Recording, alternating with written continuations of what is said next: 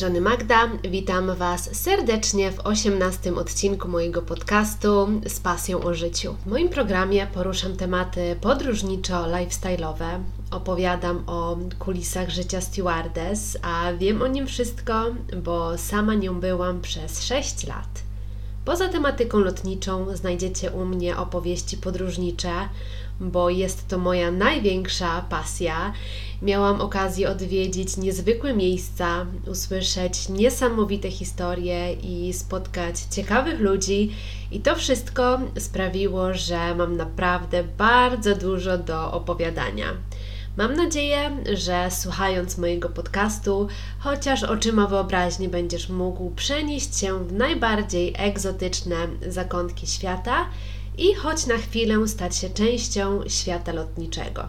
W dzisiejszym odcinku opowiem Wam o sekretach perfekcyjnego wyglądu stewardess. Jak zawsze poprosiłam Was o głosowanie na Instagramie i dosłownie dwa głosy zadecydowały o temacie dzisiejszego podcastu, ale dla tych, którzy chcieli posłuchać o tym, jak podróżują stewardessy, to na pewno też nagram taki odcinek. Natomiast dziś zdradzę Wam, co takiego robią stewardessy, że mimo nieprzespanych nocy, ciągłej zmiany stref czasowych i ogólnie zakręconego trybu życia, zawsze wyglądają na wypoczęte, promienne i są zawsze uśmiechnięte. Opowiem Wam też o zasadach dotyczących wyglądu, do jakich musiałyśmy się stosować.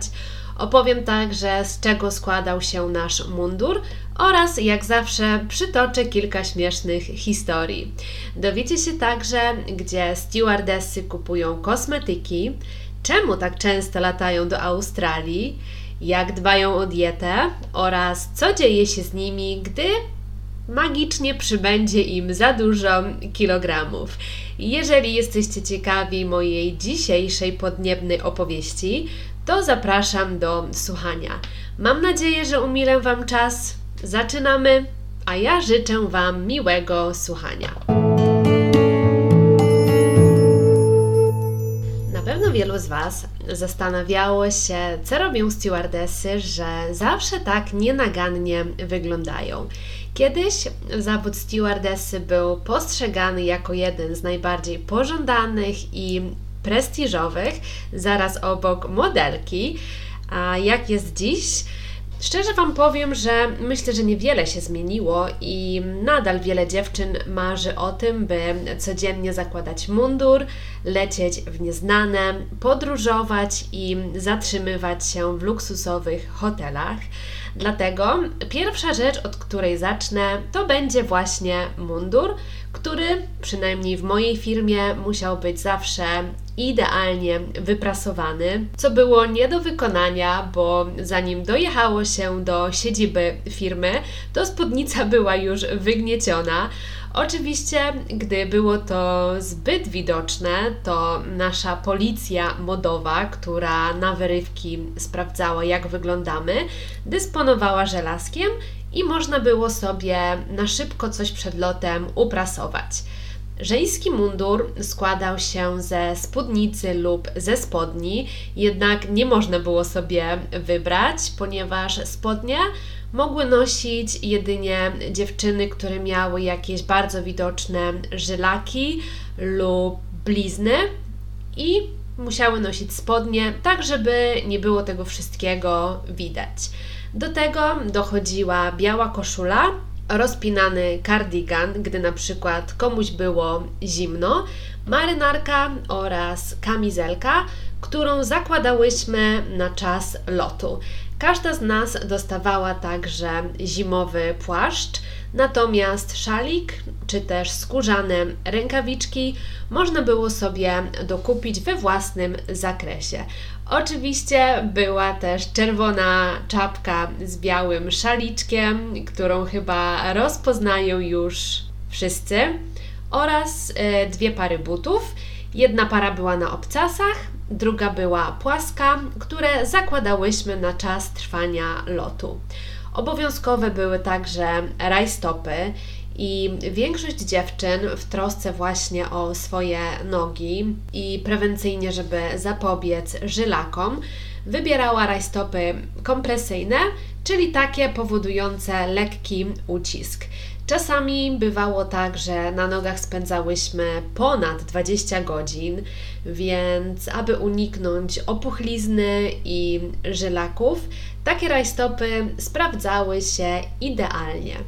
Oczywiście w Dubaju osiągały zawrotne ceny, więc dziewczyny sprowadzały takie rajstopy ze swoich ojczystych krajów i sprzedawały innym dziewczynom, oczywiście z odpowiednią marżą. W ramach ciekawostki powiem Wam, że najlepsze wzięcie miały rajstopy z Tajwanu oraz z Czech. Natomiast jeżeli chcecie dowiedzieć się, co sprzedawały Polki, to zostańcie ze mną do końca, bo na pewno będę o tym opowiadać. Jeżeli zaś chodzi o fryzury, to dozwolone były określone style, w tym e, kok, francuski zawijas, różnego rodzaju plecionki z warkoczy. Jeżeli zaś chciałyśmy mieć rozpuszczone włosy, to owszem, było to dozwolone, ale tylko i wyłącznie wtedy, gdy nasze włosy nie dotykały z tyłu kołnierzyka od marynarki. Jeżeli natomiast chodzi o grzywkę, to nie mogła zasłaniać naszych brwi. Do tego niedopuszczalne były widoczne odrosty, i właśnie tutaj o odrostach chciałam Wam przytoczyć pewną historię, która mnie spotkała. Otóż pewnego dnia, gdy właśnie szłam sobie na swój lot, zatrzymała mnie nasza policja modowa, aby obejrzeć jak wyglądam. Oczywiście sprawdzili mnie od stóp do głów, łącznie z włosami i uprzejma pani powiedziała mi, że mam za duży odrost i daje mi dwa tygodnie na naprawienie tego. Więc oczywiście, wiecie, zasada była taka, żeby grzecznie przytaknąć, uśmiechnąć się, powiedzieć, że tak, oczywiście, wszystko naprawię i tyle. Po prostu nie, nie można było wdawać się w jakiekolwiek konflikty. I po dwóch tygodniach, kiedy logowałam się na swój lot i przechodziłam przez bramkę, wyskoczył mi komunikat, że zostałam wytypowana na właśnie sprawdzenie tego, jak wyglądam. Zatem, gdy już zrzuciłam walizki, poszłam do naszego e, pokoiku, w którym stacjonowała nasza policja modowa. I właśnie mm, pani sprawdziła we wszystkich tam papierach, jaki miałam problem do naprawienia. Powiedziałam, że musiałam ufarbować swój odrost, i pani oczywiście sprawdziła moje włosy ze wszystkich stron i powiedziała, że teraz wszystko wygląda pięknie, bardzo naturalnie, że mam zdrowe, błyszczące włosy i odhaczyła mnie w systemie, że wszystko już jest zrobione. Ale powiem Wam, że ja moich włosów absolutnie nie dotknęłam. Po prostu były dokładnie takie same, jak w tym dniu, kiedy policja modowa mnie zatrzymała. Więc absolutnie nie zrobiłam z nimi nic. I to tylko pokazało mi, że policja modowa chyba zatrzymuje ludzi albo z nudów, albo ma jakąś określoną liczbę osób do sprawdzenia każdego dnia, więc nie mam pojęcia, jaki był cel tego wszystkiego. Natomiast jeżeli chodzi o biżuterię, to dozwolone były jedynie kolczyki w kształcie okrągłym. Były to albo cyrkonie, albo perełki, jednak ich średnica nie mogła przekraczać 10 mm. Natomiast z pierścionków można było nosić jedynie obrączkę, pierścionek zaręczynowy lub też po jednym nierzucającym się w oczy pierścionku na każdej ręce. Ale były też wytyczne do tego, jak pierścionek może wyglądać oraz uwaga, na którym palcu możemy go nosić. Wszelkiego rodzaju wisiorki czy też łańcuszki były zabronione, natomiast jeżeli chodzi o okulary korekcyjne, to zabronione były oprawki w kolorze czarnym. Nie mam pojęcia dlaczego, bo sami przyznacie, że kolor czarny to dość klasyczny, nie rzucający się w oczy kolor. Ponadto jedna z zasad e, obowiązującego wyglądu mówiła, że wszelkiego rodzaju operacje, zabiegi zmieniające wygląd naszej twarzy są niedopuszczalne, ale jak już pewnie wiecie z moich poprzednich podcastów, absolutnie nikt tej zasady nie przestrzegał. Jeżeli natomiast chodzi o makijaż, to obowiązywały oczywiście stonowane kolory, więc fantazyjne, kolorowe makijaże zupełnie odpadały. Obowiązkowy był podkład, cienie do powiek lub eyeliner, tuż do rzęs, róż lub jakiś puder brązujący.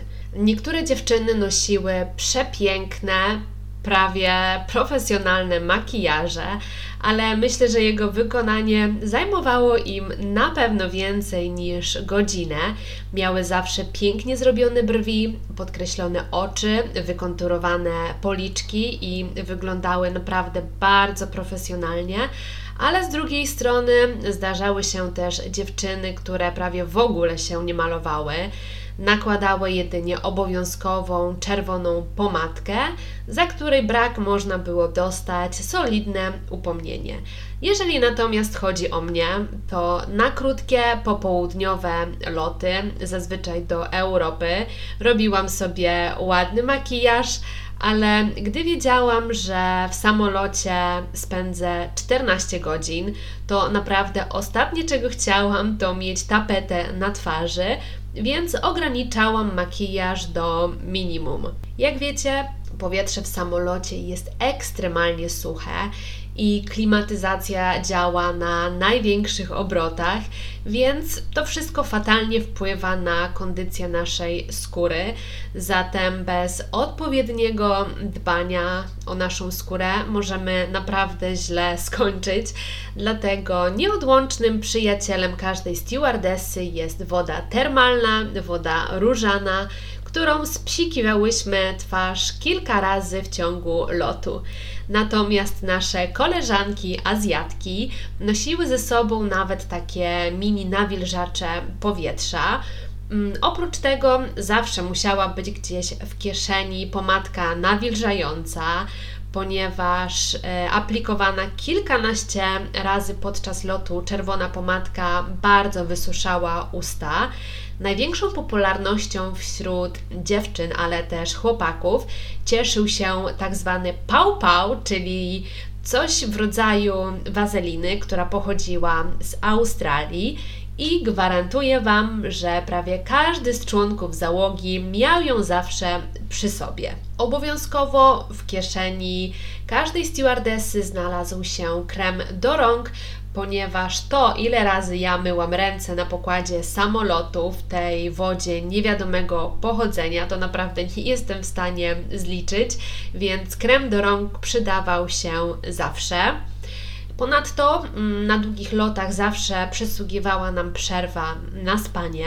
Część dziewczyn zmywała makijaż i nakładała grubą warstwę kremu lub jakąś koreańską maseczkę w płachcie, bo w naszym pomieszczeniu do spania było jeszcze bardziej sucho niż w całym samolocie. Ja na samym początku też tak robiłam, ale potem już byłam taka zmęczona, że kładłam się w przysłowiowym opakowaniu. Obowiązkowym rekwizytem był także termofor, a jeżeli takiego termoforu nie było, to napełniało się butelkę po wodzie mineralnej gorącą wodą, bo w samolocie, zwłaszcza w nocy, było naprawdę bardzo zimno. Oczywiście facetów też obowiązywały różnego rodzaju zasady dotyczące wyglądu. Między innymi nie mogli używać żadnego makijażu, dozwolony był jedynie korektor, ewentualnie do zakrycia drobnych niedoskonałości. Bokobrody nie mogły być dłuższe niż do połowy ucha i musiały być zakończone na prosto, więc bokobrody w stylu Elvisa Presleya nie wchodziły w ogóle w grę. Natomiast jeżeli ktoś zmagał się z wypadającymi włosami, to reszta włosów musiała być przystrzyżona jak najbliżej skóry głowy. Zarost był zabroniony, faceci musieli golić się przed każdym lotem, czego szczerze nienawidzili. Natomiast jedyną formą zarostu, która była dopuszczalna, to wąsy. Wracając zaś do perfekcyjnego wyglądu stewardess, to na pewno nie będzie żadnym większym odkryciem, jak powiem, że picie odpowiedniej ilości wody było tutaj kluczowe, ponieważ przebywanie w samolocie naprawdę wysuszało nasz organizm. Dlatego też jedna z pierwszych czynności, jaką robiliśmy po wejściu do samolotu, to przygotowanie sobie butelek z wodą. Oczywiście braliśmy te przeznaczone dla pasażerów i podpisywaliśmy swoim imieniem i nazwiskiem, tak żeby nikomu się nie pomyliło, która jest czyja. E, żeby nie było nudno, niektórzy dosypywali sobie do wody nasiona chia, bo to podobno wypełniało żołądek i nie podjadałyśmy gdzieś tam pomiędzy posiłkami czy z nudów do wody można było także włożyć miętę, plasterki cytryny, niektórzy też wkładali selera naciowego, dodawali kilka kropel e, chlorelli, kolagenu czy też innych suplementów e, diety. E, ja też praktykowałam takie rozwiązania, bo dzięki temu miałam wodę na oku i nie zapominałam jej pić. A skoro jesteśmy już przy wodzie, to muszę także wspomnieć o posiłkach i trzymaniu diety. Przyznacie sami, że otyła lub taka pulchniejsza stewardessa to dość rzadki widok, przynajmniej w Europie. Jedzenie samolotowe jest całkiem smaczne, ale jeżeli lecicie jako pasażer i jecie je kilka razy w roku, to wtedy raczej nic Wam się nie stanie. Jeżeli zaś pracujecie jako załoga i na każdym locie spożywacie to głęboko mrożone jedzenie, to naprawdę może się to dla Was źle skończyć. Stewardessy non-stop zarywają noce, w kółko zmieniają strefy czasowe i żyją w takim generalnym rozbiciu, więc pilnowanie diety miało tutaj naprawdę duże znaczenie. Jeżeli na przykład przed rozpoczęciem serwisu w samolocie nie udało się nic zjeść, to po serwisie, który zazwyczaj trwał około 3 godzin, wszyscy rzucaliśmy się na jedzenie, dosłownie tak, jakbyśmy go nigdy nie widzieli, bo każdy był mega głodny. Dziewczyny zazwyczaj robiły sałatki ze wszystkiego, co potencjalnie nadawałoby się na sałatkę. Podkradaliśmy też jedzenie z pierwszej klasy, więc generalnie dało się naprawdę skomponować w miarę zdrowy posiłek z rzeczy, które były dostępne na pokładzie. Jednak nasze samolotowe menu rzadko się zmieniało, a prawie nigdy się nie zmieniało, więc jedzenie tego samego na każdym locie było naprawdę nudne i niektórzy przynosili do pracy swoje własne posiłki i ja również. Tak na przykład na loty długie, trwające powyżej 14 godzin, zawsze miałam ze sobą co najmniej 4 pudełka z jedzeniem, bo wiedziałam, że jak nic sobie nie przygotuję, to na pewno rzucę się na jakiś serniczek, jakieś ciasto czekoladowe czy też chipsy. Trzeba było naprawdę bardzo porządnie o siebie dbać jeżeli nie chciało się podupaść na zdrowiu, bo praca w samolocie to naprawdę wyczerpujące i wymagające zajęcie a wszystkie niedobory snu i wieczne zmiany tych stref czasowych, klimatycznych powodują naprawdę nieodwracalne zmiany w naszym organizmie. A jeżeli jeszcze dorzucimy do tego śmieciowe, samolotowe jedzenie, to naprawdę mogło zrobić się nieciekawie. Oczywiście przygotowanie na każdy lot własnego jedzenia wymagało trochę czasu, ale jeżeli chciało się o siebie dbać, no to nie było innego wyjścia. Ci z Was, którzy słuchają mnie regularnie, wiedzą, że w każdym budynku, w którym mieszkały stewardessy, były siłownie oraz baseny, więc można było regularnie dbać o formę. Nie było wymówek, że mam na przykład za daleko na siłownię i nie chce mi się iść, bo dosłownie wystarczyło zjechać kilka pięter w dół.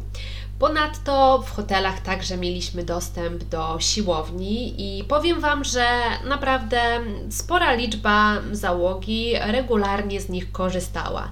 Do tego mieliśmy także karty zniżkowe, które uprawniały nas do korzystania w Dubaju z rozmaitych siłowni, zajęć fitness czy jogi za darmo, bądź też z jakąś zniżką.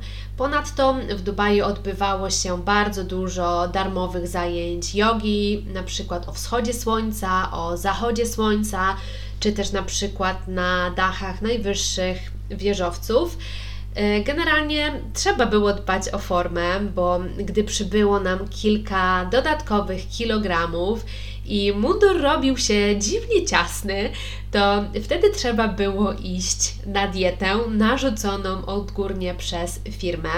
I wtedy dostawaliśmy określoną ilość czasu, podczas którego należało zgubić nadprogramowe kilogramy i po upływie wyznaczonego terminu trzeba było przyjść na kontrolę. E, poza dostępem do siłowni, nasza karta zapewniała także zniżkę do różnych gabinetów kosmetycznych, z których usług korzystała prawie każda z nas. Obowiązkowy był manicure i pedicure, ponadto dużą popularnością cieszył się botox i różnego rodzaju zabiegi pielęgnacyjno-nawilżające które miały za zadanie zregenerować naszą skórę i zniwelować oznaki naszego wiecznego zmęczenia. Jednak chyba najbardziej popularnym zabiegiem był zabieg depilacji laserowej, którą naprawdę przysięgam Wam wykonywała każda z nas. W Dubaju ceny były naprawdę atrakcyjne. Jednak większość dziewczyn specjalnie prosiła o loty do Australii i właśnie tam wykonywały depilację, ponieważ można było znaleźć naprawdę bardzo, bardzo dobre promocje i usługi były na dość wysokim poziomie. Natomiast jeżeli chodzi o nasze włosy na głowie, to usługi fryzjerskie w Dubaju były słabe i ciężko było znaleźć coś szczególnie dla dziewczyn z delikatnymi blond włosami. Niejednokrotnie słyszałam historie o spalonych włosach, o zniszczonych włosach, więc od dubajskich fryzjerów trzymałam się z daleka i korzystałam z tego, że latamy po całym świecie i dbałam o swoje włosy w różnych miejscach. I powiem Wam, że tak jak ufarbowała mi i obcięła włosy fryzjerka w Sydney, tak naprawdę jeszcze nigdy nikt w życiu nie zrobił mi tak ślicznie włosów. Co prawda zapłaciłam fortunę, ale tam w Australii na blond włosach naprawdę bardzo dobrze się znają.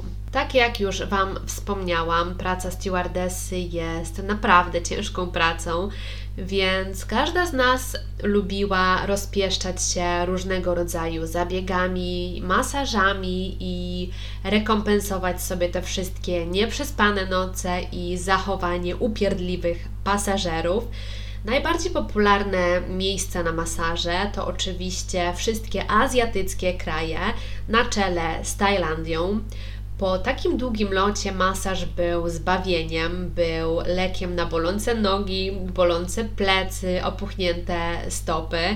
Ja zawsze brałam masaż najdłuższy, jaki był dostępny, i czasami bywało tak, że zasypiałam w trakcie.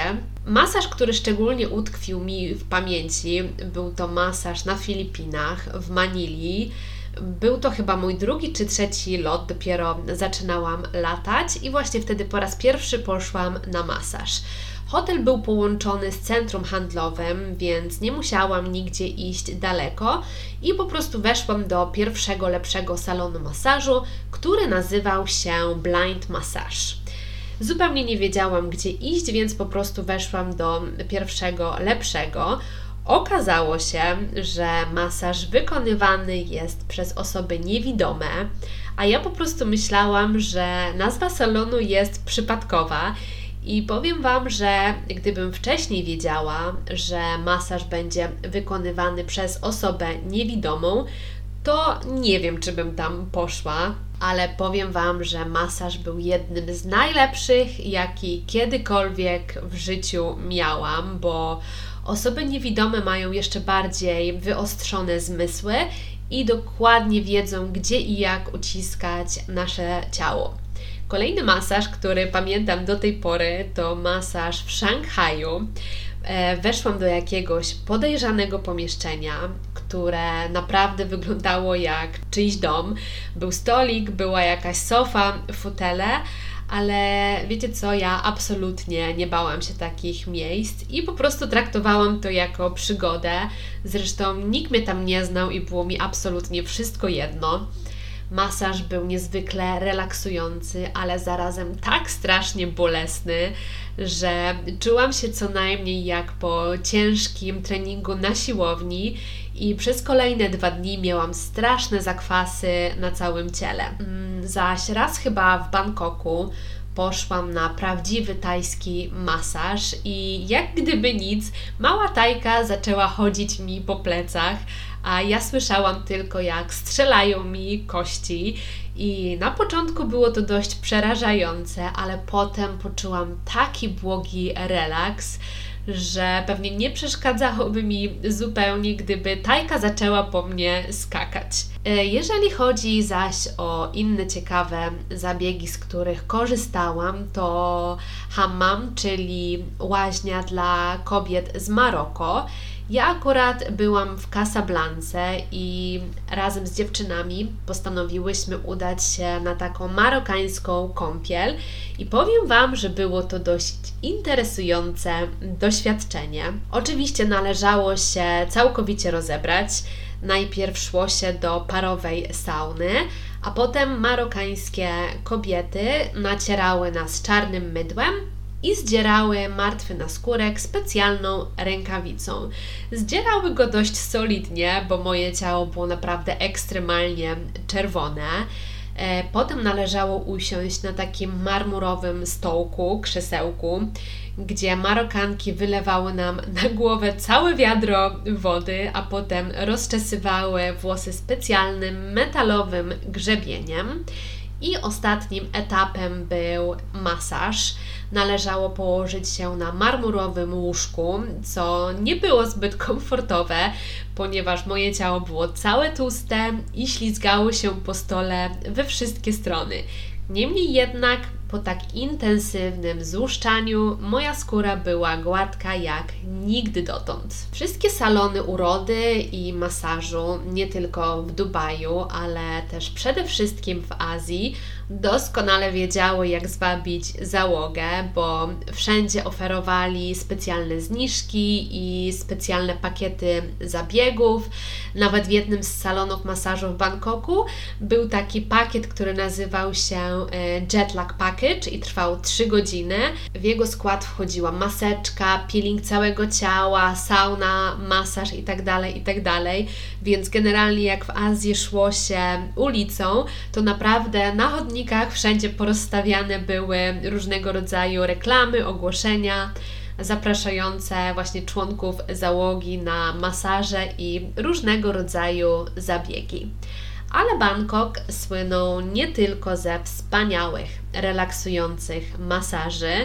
Tutaj też członkowie załogi przyjeżdżali po to, aby w prywatnych szpitalach wykonać sobie szereg rozmaitych badań, i zazwyczaj był to skan całego ciała. Dużą popularnością cieszyły się także różnego rodzaju zabiegi oczyszczające jelita, a także powiększanie biustu, botoks, czy też makijaż permanentny brwi, czy też ust.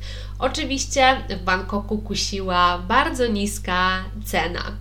Powiem Wam, że niektóre dziewczyny, z którymi latałam, były naprawdę bardzo otwarte, bardzo szczere i chętnie opowiadały o tym, co sobie poprawiły, co sobie zrobiły, nie ukrywały tego, nie wstydziły się. Czasami nawet pozwalały dotknąć swoich implantów piersi czy też pośladków, więc sami widzicie, że praca stewardessy to nie tylko zwiedzanie nowych miejsc, ale także korzystanie z innych atrakcji, takich jak badanie krwi czy różnego rodzaju operacje w Bangkoku. Jeżeli jesteśmy już w Azji, to nie mogę nie wspomnieć o azjatyckich, a zwłaszcza koreańskich i japońskich kosmetykach, o których chyba słyszała każda z dziewczyn, która teraz mnie właśnie słucha. Oczywiście w Polsce jest teraz dostępnych mnóstwo sklepów oferujących azjatyckie kosmetyki pielęgnacyjne, ale my jako stewardessy miałyśmy takie szczęście, że mogłyśmy kupować azjatyckie kosmetyki u samego źródła. Kiedy zatem leciałyśmy do Japonii czy też Korei, to wtedy cały lot zlatywał nam na rozmowach o zakupach. Wymieniałyśmy z dziewczynami informacje na temat wartych polecenia marek, różnego rodzaju produktów. Każda coś polecała, mówiła na co warto zwrócić uwagę, a Azjatki z załogi zawsze pisały nam na karteczce listę, co koniecznie musimy kupić. I zazwyczaj po wylądowaniu w miejscu docelowym wszystkie razem spotykałyśmy się gdzieś przypadkiem w koreańskiej lub też japońskiej drogerii na zakupach. I w naszym koszyku zazwyczaj lądowały maseczki w płachcie i to naprawdę w hurtowych ilościach, bo nie wiadomo przecież, kiedy przylecimy tutaj po raz kolejny. Popularne były także wszelkiego rodzaju azjatyckie kremy BB, serum z aloesem, serum z zieloną herbatą. Niestety na etykietach bardzo rzadko były napisy po angielsku, a Azjatki średnio mówiły w tym języku, więc trudno było się dowiedzieć, co jest czym ale powiem Wam, że azjatyckie ekspedientki były tak miłe i tak chętne do pomocy, że zawsze włączały w komputerze bądź też w telefonie translator i w ten sposób rozmawiałyśmy, tłumacząc zdanie po zdaniu. I kolejną wielką zaletą zakupów kosmetycznych w Azji było to, że zawsze, absolutnie zawsze dostawało się próbki, ale nie jedną czy dwie, a naprawdę całe siaty kosmetyków, całe siaty próbek. Więc kierunki azjatyckie należały właśnie do naszych ulubionych, jeżeli chodzi o kupowanie kosmetyków do pielęgnacji twarzy. E, przypomniało mi się jeszcze, że miałam wspomnieć o tym, jakie produkty urodowe sprzedawały Polki. Otóż jest takie serum przyspieszające wzrost rzęs, które pokochały absolutnie wszystkie stewardessy, więc gdy jechało się do Polski, to dziewczyny przywoziły hurtowe ilości właśnie tego serum, a potem sprzedawały często po zaporowych cenach, ale uwierzcie mi, że chętnych naprawdę nie brakowało. Na zakończenie powiem Wam jeszcze, że gdy stewardessy moich linii lotniczych szły w grupie po lotnisku, to naprawdę przykuwało to uwagę, nie powiem, że nie. Z daleka wyglądałyśmy naprawdę zjawiskowo, ale gdyby tak przyjrzeć się każdej z osobna, to no już tak kolorowo nie było. Bywało, że niektóre dziewczyny przychodziły do pracy w podartych rajstopach, w poplamionym mundurze, biały szalik od kapelusza był cały pokryty podkładem, a paznokcie już od dłuższego czasu domagały się manikiuru, a włosy umycia ale uwierzcie mi, że ja naprawdę jestem w stanie to wszystko zrozumieć, bo doskonale wiem, jak to jest być wyczerpanym i wycieńczonym fizycznie.